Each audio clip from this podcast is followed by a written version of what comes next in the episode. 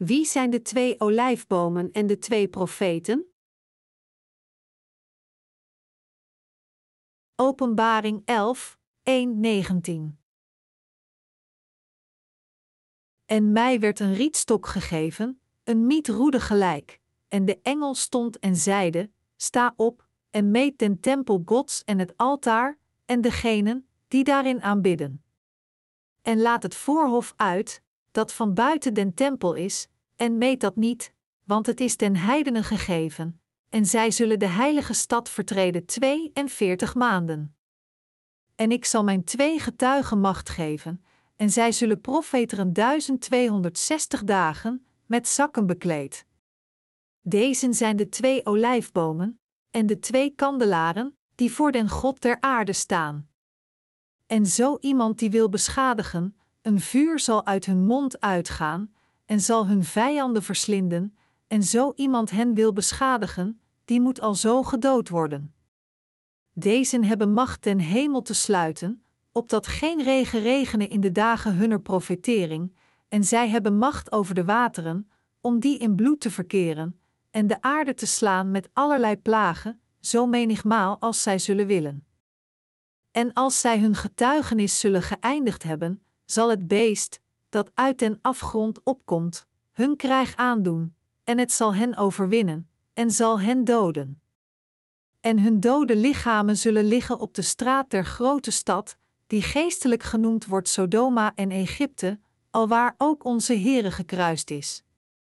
En de mensen uit de volken, en geslachten, en talen, en natien, zullen hun dode lichamen zien drie dagen en een halven, en zullen niet toelaten dat hun dode lichamen in graven gelegd worden. En die op de aarde wonen, die zullen verblijd zijn over hen, en zullen vreugde bedrijven, en zullen elkander geschenken zenden, omdat deze twee profeten degenen, die op de aarde wonen, gepijnigd hadden. En na die drie dagen en een halven is een geest des levens uit God in hen gegaan, en zij stonden op hun voeten, en er is grote vrees gevallen op degenen die hen aanschouwden. En zij hoorden een grote stem uit den hemel, die tot hen zeide: Komt herwaarts op. En zij voeren op naar den hemel in de wolk, en hun vijanden aanschouwden hen. En in diezelfde uren geschiedde een grote aardbeving, en het tiende deel der stad is gevallen, en er zijn in de aardbeving gedood zevenduizend namen van mensen, en de overigen zijn zeer bevreesd geworden, en hebben den God des hemels heerlijkheid gegeven. Het tweede wee is weggegaan, ziet, het derde wee komt haast. En de zevende engel heeft gebazuind, en er geschieden grote stemmen in den hemel, zeggende: De koninkrijken der wereld zijn geworden onzes Heren en van zijn Christus, en hij zal als koning heersen in alle eeuwigheid. En de vier en twintig ouderlingen, die voor God zitten op hun tronen, vielen neder op hun aangezichten en aanbaden God, zeggende: Wij danken u, Heere God Almachtig, die is, en die was, en die komen zal. Dat gij uw grote kracht hebt aangenomen, en als koning hebt geheerst, en de volken waren toornig geworden, en uw toorn is gekomen, en de tijd der doden, om geoordeeld te worden. En om het loon te geven uw dienstknechten, den profeten, en den heiligen, en dengenen, die uw naam vrezen, den kleine en den groten, en om te verderven degenen, die de aarde verdierven. En de tempel Gods in de hemel is geopend geworden, en de ark zijns verbonds is gezien in zijn tempel, en er werden bliksemen, en stemmen, en donderslagen, en aardbeving, en grote hagel. Het woord van de Openbaring 11 is erg belangrijk voor ons, evenals het gehele woord van God. God moet eerst een belangrijk werk doen om de wereld te vernietigen. Dit werk is het oogsten van de Israëlieten voor de laatste keer. God moet ook nog iets anders doen voor zowel de Israëlieten als de niet-Joden, namelijk hen te laten deelnemen aan de eerste herreizenis en de opname, door hen te laten martelen. Omdat de Bijbel ons een algemeen verslag geeft van deze zaken, moeten we uitzoeken hoe Gods zaligheid van de verlossing van de zonde vervuld is in het Nieuwe Testament.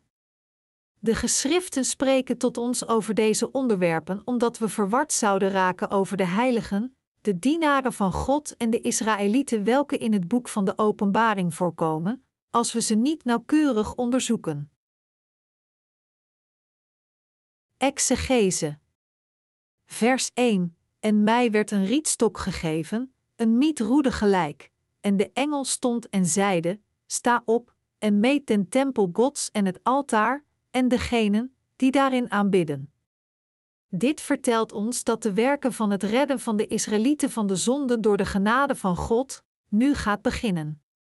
Meten betekent hier dat God zich er persoonlijk mee zal bemoeien de Israëlieten te redden van hun zonden op het einde der tijden. In de hoofdpassage van hoofdstuk 11 moeten we ons concentreren op de verlossing van de Israëlieten van de zonde. Dit woord vertelt ons dat het evangelie van het water en de geest aan de Israëlieten verspreid zal worden vanaf dat moment, duidend op het begin van Gods werk dat de Israëlieten Gods volk maakt doordat ze van al hun zonden verlost worden door de genade van de zaligheid die door Jezus Christus gegeven werd. God heeft Openbaring 11 opgetekend om zijn verlossing van de zonde ook aan de Israëlieten te geven op het einde der tijden. Het meten in verse 1 en 2 betekent het zetten van normen voor alle dingen. Gods doel om zijn tempel te meten is om uit te vinden of het hart van de Israëlieten klaar is voor de ontvangst van de zaligheid, nadat God reeds gepland heeft hen te redden. En wanneer hun hart niet klaar is, dan zal het hen klaarmaken, zodat hun hart oprecht zal zijn. Vers 2: En laat het voorhof uit, dat van buiten den tempel is, en meet dat niet, want het is den heidenen gegeven, en zij zullen de heilige stad vertreden twee en veertig maanden. God gaf Satan de macht om de niet-Joden drieënhalf jaar te onderdrukken. Daarom moeten alle niet-Joden zo gauw mogelijk binnen de eerste drieënhalf jaar van de zevenjarige periode van de grote verdrukking het evangelie van het water en de geest in hun hart ontvangen, het woord van de verlossing. De geschiedenis van deze wereld zal eindigen als de grote verdrukking het middenpunt is gepasseerd en het naar de tweede helft ervan gaat.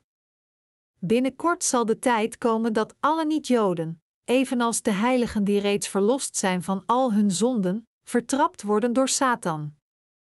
De niet-Joden moeten dus de verlossing van hun zonde ontvangen en hun geloof op het martelaarschap voorbereiden voordat de eerste drieënhalf jaar van de verdrukking voorbij zijn. Op dat moment zullen de Israëlieten lijden onder de vreselijke verdrukking tijdens de eerste drieënhalf jaar. Maar zij zullen dan ook het feit accepteren dat Jezus hun verlosser is. Uiteindelijk zullen de Israëlieten hun verlossing van al hun zonden ontvangen tijdens de eerste drieënhalf jaar van de grote verdrukking.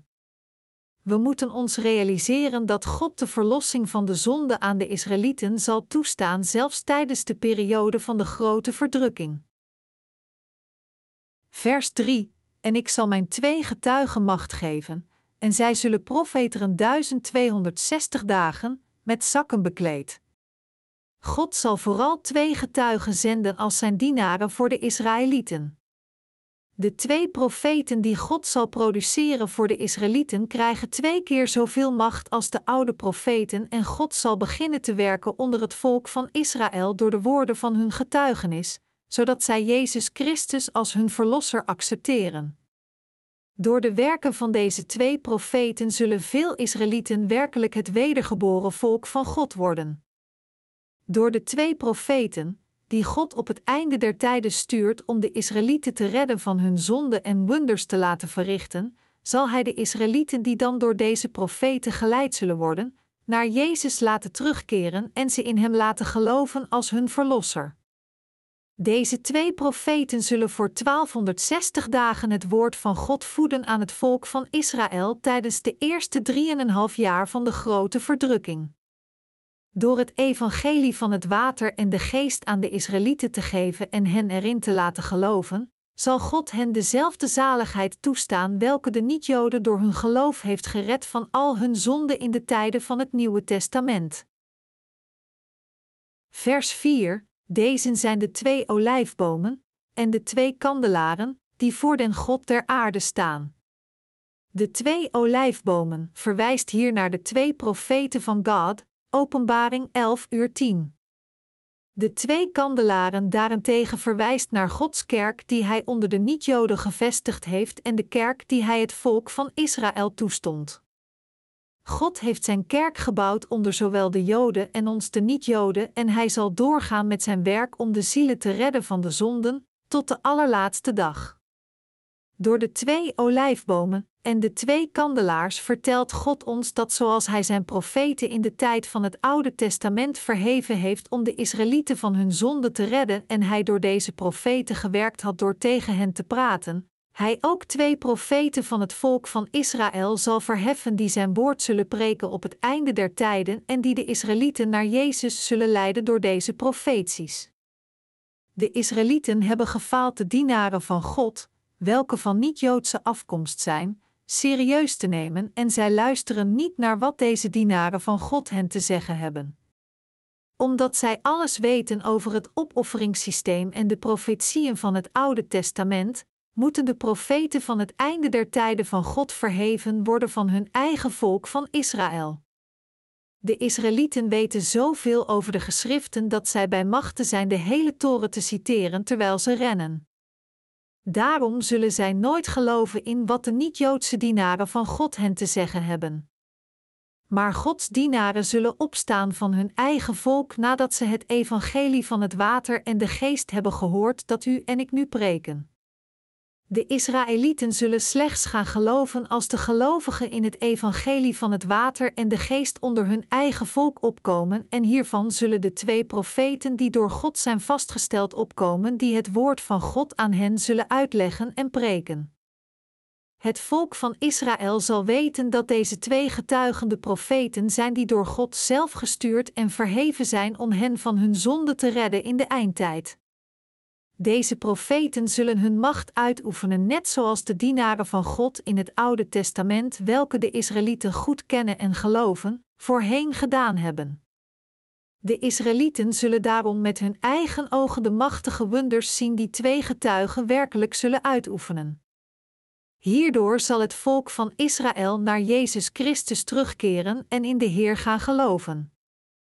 Als zij Jezus Christus als de Zoon van God en hun Verlosser herkennen, net zoals wij dat doen, zullen zij hetzelfde geloof hebben als wij, dat wil zeggen, zij zullen ook gered zijn door in het evangelie van het water en de geest te geloven.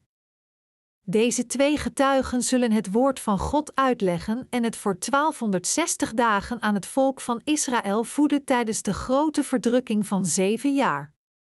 Evenals u en ik, de niet-Joden van de tijd van het Nieuwe Testament, gered zijn door in het evangelie van het water en de geest te geloven, zal God de Israëlieten ook toestaan verlost te worden in de eindtijd door in dit evangelie van het water en de geest te geloven. En vers 4 zegt ons: Deze zijn de twee olijfbomen en de twee kandelaren die voor den God der aarde staan.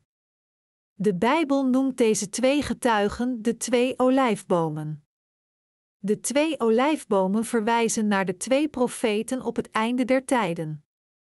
In vers 10 staat geschreven: En die op de aarde wonen, die zullen verblijd zijn over hen, en zullen vreugde bedrijven, en zullen elkander geschenken zenden, omdat deze twee profeten degenen, die op de aarde wonen, gepijnigd hadden. Hier moeten we dit woord oplossen door ons te richten op wie de twee olijfbomen zijn.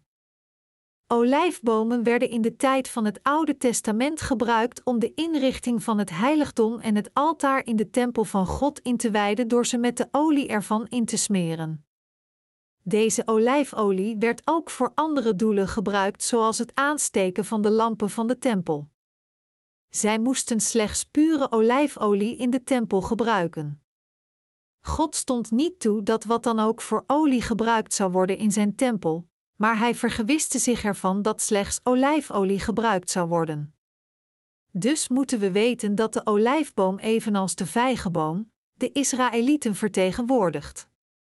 Er zijn veel interpretaties over deze twee olijfbomen en twee kandelaars. Sommige mensen beweren zelfs dat zij zelf de olijfbomen zijn. De twee olijfbomen verwijzen naar de gezalfden. In de tijd van het Oude Testament werden de mensen gezalfd als zij werden aangesteld als profeet, koning of priester. Wanneer iemand dus gezalfd was, kwam de Heilige Geest over hem slash haar. Als dusdanig verwijzen de olijfbomen naar Jezus Christus die ontvangen was door de Heilige Geest, Romeinen 11 uur 24. Maar er zijn veel misverstanden over dit thema. Desalniettemin verwijzen de twee olijfbomen, welke de twee getuigen zijn die in de hoofdpassage genoemd worden, naar de twee dienaren van God die hij speciaal zou verheven op het einde der tijden voor de zaligheid van de Israëlieten. Dat is wat vers 4 ons vertelt. En de twee kandelaars verwijzen hier naar Gods kerk die hij toestond onder de niet-Joden, en de kerk die hij de Israëlieten toestond. In de tijd van het Oude Testament hadden de Israëlieten oorspronkelijk Gods kerk. Maar vanaf de tijd van het Nieuwe Testament hebben zij deze kerk van God niet meer gehad. Waarom? Omdat zij Jezus Christus nog moeten erkennen en ook nog niet de Heilige Geest in hun hart hebben. Gods kerk kan niet meer onder hen gevonden worden omdat zij niet het evangelie van het water en de geest nog Jezus Christus hebben geaccepteerd. Voor het einde van de wereld, tijdens de eerste drieënhalf jaar van de grote verdrukking, zal God echter zijn kerk ook aan de Israëlieten toestaan. Daarom vertelt de Bijbel ons over de twee olijfbomen, die de twee getuigen zijn. De Heer zal zijn kerk vestigen en zijn werk doen om zielen van de zonde te redden onder de Joden en ons de niet-Joden. En door deze kerken zal hij ze dit spirituele werk van het redden van zielen van de zonde laten dienen totdat de Antichrist verschijnt. Dit betekent dat God vaten uit de heiligen, de leden van zijn kerk, zal maken om hen het geestelijke ambt van het redden van zielen die verloren zijn door de zonde te laten dienen. We moeten daarom ijverig ons resterende geestelijke ambt in geloof uitvoeren. Vers 5 En zo iemand die wil beschadigen, een vuur zal uit hun mond uitgaan, en zal hun vijanden verslinden, en zo iemand hen wil beschadigen, die moet al zo gedood worden. God gaf deze macht aan de twee profeten zodat zij hun speciale opdracht kunnen uitvoeren om het volk van Israël te laten berouwen en hen Satan te laten overwinnen, toont God ons dat iedereen die de twee getuigen probeert te vermoorden, zelf schade zal worden toegebracht en dat de macht van zijn woord met deze twee getuigen zal zijn. Als dusdanig zal het volk van Israël, wanneer ze in de leer van deze twee profeten gelooft, terugkeren naar Jezus Christus. Daarom zal God de twee olijven, dat wil zeggen de twee getuigen, toelaten tot de Israëlieten, zodat zij gered kunnen worden van hun zonden op het einde der tijden. Vers 6: Deze hebben macht den hemel te sluiten, opdat geen regen regene in de dagen hunner profetering, en zij hebben macht over de wateren, om die in bloed te verkeren, en de aarde te slaan met allerlei plagen, zo menigmaal als zij zullen willen omdat de Israëlieten niet zouden berouwen zonder dat de dienaren van God, die hij onder hen verheft, deze handelingen van macht zullen uitvoeren, zal God de twee getuigen toestaan met zijn macht te werken. De twee profeten zullen niet alleen de Israëlieten naar Jezus leiden, maar zij zullen ook Gods vijanden met autoriteit overwinnen en alle werken van hun roeping vervullen. God zal hen speciaal gezag geven zodat zij alle het woord van de profetie aan het volk van Israël kunnen preken, getuigen kunnen dat Jezus Christus hun lang verwachte Messias is en het hen laten geloven. Vers 7 En als zij hun getuigenis zullen geëindigd hebben, zal het beest, dat uit den afgrond opkomt, hun krijg aandoen, en het zal hen overwinnen, en zal hen doden. Dit woord vertelt ons dat de Antichrist zal verschijnen in deze wereld wanneer de eerste drieënhalf jaar van de zevenjarige periode van de grote verdrukking voorbij zijn. Op dat moment zullen degenen die in Jezus Christus als hun lang verwachte Messias geloven, zich eindelijk verheffen van het volk van Israël. Maar velen van hen zullen gemarteld worden door het beest en zijn volgelingen omdat ze hun geloof verdedigen. De twee profeten van God zullen ook gemarteld worden wanneer zij de werken van hun roeping volbrengen. Het is volgens Gods wil dat deze twee getuigen door de antichrist vermoord worden. Waarom? Omdat God hen ook de beloning van de martelaars wilt geven. Deze beloning is dat zij deelnemen aan de eerste herreizenis, zich bij de Heer te voegen tijdens het huwelijksmaal van het Lam, zich voor altijd te verheugen en het eeuwige leven ontvangen. God wil dat zij gemarteld worden vanwege hun geloof om deze zegen aan alle heiligen te geven. De heiligen moeten daarom allemaal geen angst hebben of hun martelaarschap proberen te vermijden, maar in plaats daarvan het omhelzen in een affirmatief geloof en hun gezegende beloning ontvangen. Vers 8 en hun dode lichamen zullen liggen op de straat der grote stad, die geestelijk genoemd wordt Sodoma en Egypte, alwaar ook onze Heere gekruist is. Deze vers vertelt ons dat de twee getuigen precies van het volk van Israël zijn. De twee dienaren die God van de Israëlieten zal verheffen, zijn geen niet-Joden, maar ze zijn van hun eigen volk van Israël. Als dusdanig worden de twee getuigen gedood op dezelfde plaats waar Jezus gekruisigd werd. Dit feit vertelt ons duidelijk dat deze twee getuigen Israëlieten zijn. Voor het volk van Israël zijn zij de dienaren van God. God zal zijn twee profeten vaststellen voor de Israëlieten, die spiritueel het volk van Sodom en Egypte zijn, hen macht geven en ze laten getuigen dat Jezus de Messias is waarop de Israëlieten hebben gewacht, zodat het volk van Israël berouw zal hebben en in Jezus zal gaan geloven. De antichrist zal de twee dienaren van God vermoorden op de plaats van Golgotha, waar Jezus gekruisigd was. Omdat de volgelingen van de antichrist kwade zielen hebben, zullen ze deze twee getuigen die in Jezus geloven en voor hem getuigen tot de grond haten.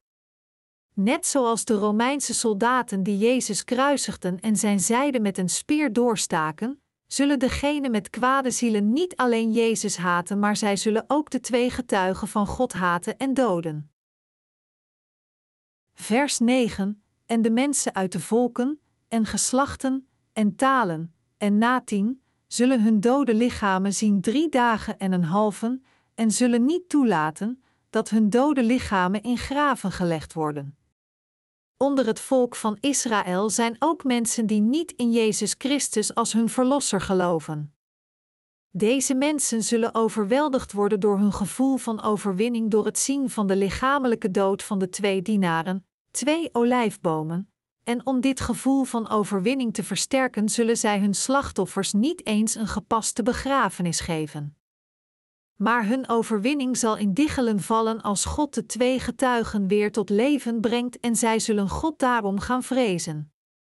Zij zullen zichzelf feliciteren met de dood van de twee dienaren van God, maar dit zal niet lang duren, want zij zullen zich gauw realiseren dat de antichrist geen partij is voor Jezus Christus, dan zal teleurstelling en leegte hen overweldigen. Deze mensen houden niet van Gods woord van de profetie dat door de twee profeten wordt gepreekt. Door zich te verzetten tegen deze twee dienaren die door God verheven worden, zullen ze eventueel afgesneden worden van de laatste oogst van de zaligheid en Satans volgelingen worden. In vers: En die op de aarde wonen, die zullen verblijd zijn over hen, en zullen vreugde bedrijven, en zullen elkander geschenken zenden, omdat deze twee profeten degenen, die op de aarde wonen, gepijnigd hadden. Omdat zij Gods woord van profetie zullen preken, zullen de twee getuigen die verheven zijn voor de zaligheid van de Israëlieten, een enorme doorn in het oog zijn voor de volgelingen van Satan. Ze zullen zich daarom alle verheugen over de dood van deze twee getuigen en elkaar geschenken sturen om elkaar te feliciteren. Wij zijn ook blij wanneer degenen die ons lastig vallen, verdwijnen.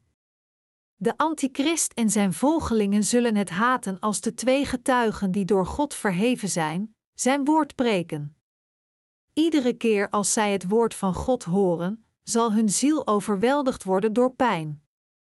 Omdat zij dus altijd zo gekweld zijn als de twee getuigen tegen hun over Jezus spreken, zullen zij zich verheugen als zij zien dat deze door de antichrist gedood worden.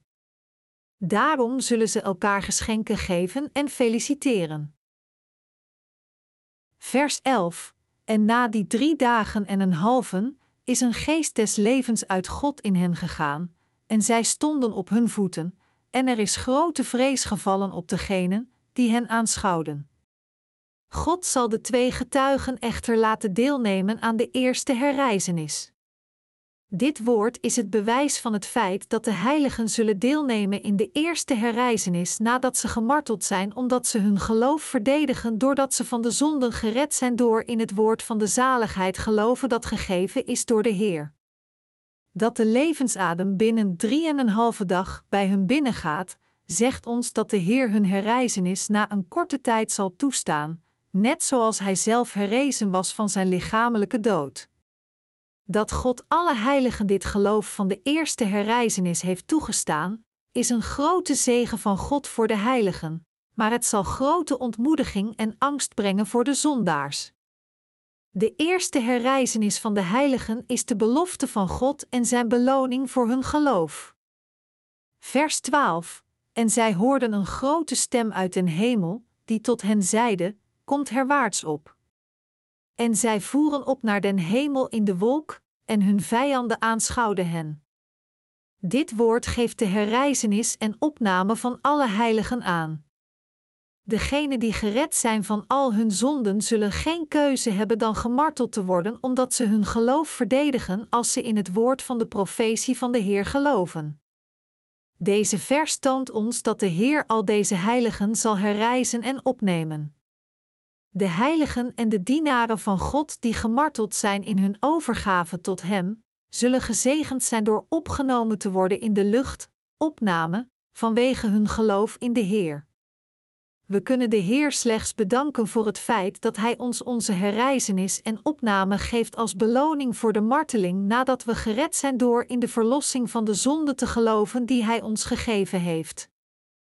God de Vader zal de herreizenis en opname toestaan aan iedereen die zich tegen de antichrist verzet en die gemarteld is door in het evangelie van het water en de geest te geloven dat gegeven is door Jezus Christus. We moeten in dit feit geloven. De herreizenis en opname van de heiligen zijn de zegeningen die vanuit hun zaligheid vloeit door hun geloof in het evangelie van het water en de geest dat gegeven is door God. Satan en zijn volgelingen zullen in de eindtijd merken dat al hun inspanningen in rook opgaan als zij zien dat de heiligen die zij vervolgd en gedood hebben, herrezen en opgenomen worden. God zal de gemartelde heiligen herreizen en opnemen, maar hij zal degenen die nog steeds op deze aarde verblijven vernietigen door de plagen van de zeven violen over ze uit te gooien. Als dit werk vlug voltooid is, zal hij naar deze aarde komen met de heiligen en hij zal de rechtvaardigen uitnodigen voor het huwelijksmaal van Christus. Onze Heer zal dit feest duizend jaar laten duren. Als deze duizend jaar voorbij zijn, zal hij Satan toestaan kort omhoog te komen uit de bodemloze put en te vechten tegen God en zijn heiligen, maar hij zal Satan en zijn volgelingen uiteindelijk vernietigen en ze veroordelen en ze in het eeuwige vuur gooien. De rechtschapenen zullen echter het koninkrijk van de hemel van de Heer binnengaan en er samen met hem leven. Vers 13. En in diezelfde uren geschiedde een grote aardbeving, en het tiende deel der stad is gevallen, en er zijn in de aardbeving gedood zevenduizend namen van mensen, en de overigen zijn zeer bevreesd geworden, en hebben den God des hemels heerlijkheid gegeven. Na het martelaarschap, de herreizenis en de opname van de twee profeten die God verheven heeft voor de zaligheid van de Israëlieten, zal Hij zijn engelen toestaan om de plagen van de zeven violen vrijelijk over deze aarde uit te gieten. Degenen die nog op deze aarde overblijven na de opname van de heiligen, zullen deze plagen van de zeven violen als hun geschenk ontvangen. Slechts dan zullen zij gegrepen zijn door angst en God verheerlijken, maar dit zal hun niet baten omdat dit geen handeling van waar geloof in Gods liefde is. Wanneer deze wereld vernietigd is, zullen de rechtschapenen hun eeuwige hemel hebben, eeuwige herreizenis en eeuwige zegens, maar de zondaars zal slechts het lijden van het eeuwige vuur van de hel te wachten staan. Daarom moet iedereen de verlossing van hun zonde ontvangen door in het evangelie van het water en de geest te geloven. En omdat degenen die al dus verlost zijn van hun zonden, in de nieuwe wereld geloven die God hen heeft beloofd, preken zij het evangelie van het water en de geest aan iedereen. Vers 14: Het tweede wee is weggegaan, ziet, het derde wee komt haast. Voor zowel de niet-Joden en de Israëlieten zal de derde wee iedereen te wachten staan, behalve degenen die deelgenomen hebben in hun herreizenis en opname door verlost en gemarteld te zijn. De plaag die duurt van het schallen van de zesde bazuin van de engel tot het begin van de plagen van de zeven violen met het schallen van de zevende bazuin, wordt de tweede wee genoemd. De plagen van de zeven bazuinen worden opgesplitst in drie perioden: de vroege, de middelste en de late perioden. De natuurlijke plagen en het martelaarschap van de heiligen door de antichrist worden bij de eerste en tweede wee geteld. De derde wee zijn daarentegen de plagen die de wereld compleet zullen vernietigen. Deze derde wee zijn de violen van de toorn van God die over de zondaars die nog op deze aarde verblijven, zullen worden uitgegoten. Vers 15 En de zevende engel heeft gebazuind, en er geschieden grote stemmen in den hemel, zeggende: De koninkrijken der wereld zijn geworden onzes Heren en van zijn Christus, en hij zal als koning heersen in alle eeuwigheid. De zin geschieden grote stemmen in den hemel toont ons dat de heiligen en dienaren die van alle zonden gered zijn reeds in de hemel zijn tegen de tijd dat de plagen van de zeven violen beginnen in deze wereld. Als dusdanig zal Gods volk dan niet meer op deze wereld worden gevonden. Dat moeten we ons realiseren. De koninkrijken der wereld zijn geworden onzes Heren en van zijn Christus, en hij zal als koning heersen in alle eeuwigheid. Tegen die tijd zullen de heiligen de Heer in de hemel prijzen, maar nadat alle plagen van de zeven violen zijn uitgegoten, zullen ze ook afdalen naar de hernieuwde aarde met de Heer en er met hem duizend jaar regeren. Hierna gaan de Heer en de heiligen voor altijd de nieuwe hemel en aarde regeren. Onze Heer heeft ons al die tijd als een dienaar gediend om ons van de zonde te verlossen, in plaats als een koning over ons te heersen. Hij heeft ons zijn genade gegeven door degenen die in het evangelie van het water en de geest geloven Gods kinderen te maken als hun zaligheid. Als onze Heer de eeuwige koning voor ons is, zal Hij ook zijn volk voor altijd laten regeren. Halleluja! Dank de Heer! Vers 16: En de vier en twintig ouderlingen, die voor God zitten op hun tronen, vielen neder op hun aangezichten en aanbaden God: God is waardig om alle genade te ontvangen. Het is slechts juist voor degenen die gered zijn van alle zonden om languit neer te vallen en God te aanbidden en prijzen. Onze Heer, die al deze werken gedaan heeft om de zondaars te redden, is het waard om lof en aanbidding te ontvangen van alle heiligen en alle schepsels voor altijd en eeuwig. Vers 17, zeggende: Wij danken U, Heere God Almachtig, die is, en die was, en die komen zal. Dat Gij uw grote kracht hebt aangenomen, en als koning hebt geheerst, onze Heer zal Satan overwinnen en grote macht van God de Vader ontvangen om vanaf dat moment met zijn volk voor altijd te heersen. Als dusdanig zal de Heer voor altijd regeren. Hij is waardig dit te doen. Ik zeg dank aan Hem, want de Heer die alle zonden van de wereld heeft laten verdwijnen, die iedereen die in het evangelie van het water en de geest gelooft, heeft gered en die zijn vijanden heeft veroordeeld, is waardig om zijn verheven macht te nemen en voor altijd te regeren. Daarom zal iedereen die Gods soevereiniteit erkennen, gekleed gaan in de gelukzaligheid van het eeuwige lof van God met de almachtige macht en liefde van de Heer. Vers 18: En de volken waren toornig geworden, en uw toorn is gekomen, en de tijd der doden, om geoordeeld te worden, en om het loon te geven uw dienstknechten, den profeten, en den heiligen, en dengenen, die uw naam vrezen, den kleine en den groten, en om te verderven degenen, die de aarde verdierven. Tegelijkertijd met het uitgieten van de plagen van de zeven violen zal nu de lichamelijke vernietiging komen van degenen die geestelijk niet Jood blijven. Dit woord vertelt ons dat het dan tijd is voor God om iedereen als een rechter van alles te veroordelen, zijn dienaren en profeten, de heiligen en degenen die hem vereren te belonen, en degenen die zich tegen hem verzetten en zijn wil negeren, te vernietigen. De Heer zal het oordeel van zijn toorn over degenen brengen die zijn soevereiniteit niet erkennen, maar hij zal de heiligen laten verheerlijken met hem. Dit betekent dat de Heer de rechter van alles zal worden, van goed en van kwaad. Wanneer de Heer op zijn troon zit als de koning van de wedergeborenen en iedereen veroordeelt, zullen alle zondaars en de rechtschapenen van de wereld hun gerechte oordeel krijgen. Als de uitspraak van zijn oordeel, zal de Heer dan de hemel en het eeuwige leven aan de heiligen geven, maar de zondaars zal hij de eeuwige vernietiging en de straf van de hel geven. De soevereiniteit van Jezus Christus en de zegen van de heerschappij van zijn volk zal voor altijd zijn. De eerste wereld zal op dat moment eindigen en de tweede wereld, het koninkrijk van Christus, zal dus beginnen. Vers 19 En de tempel Gods in de hemel is geopend geworden, en de ark zijns verbonds is gezien in zijn tempel, en er werden bliksemen, en stemmen, en donderslagen, en aardbeving, en grote hagel. God zal zijn heiligen, de rechtschapenen, zijn zegen toestaan om in zijn tempel te wonen.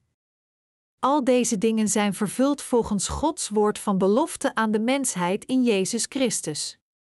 Het koninkrijk van God begint met Gods woord van profetie en het is volbracht door de vervulling van deze profetie.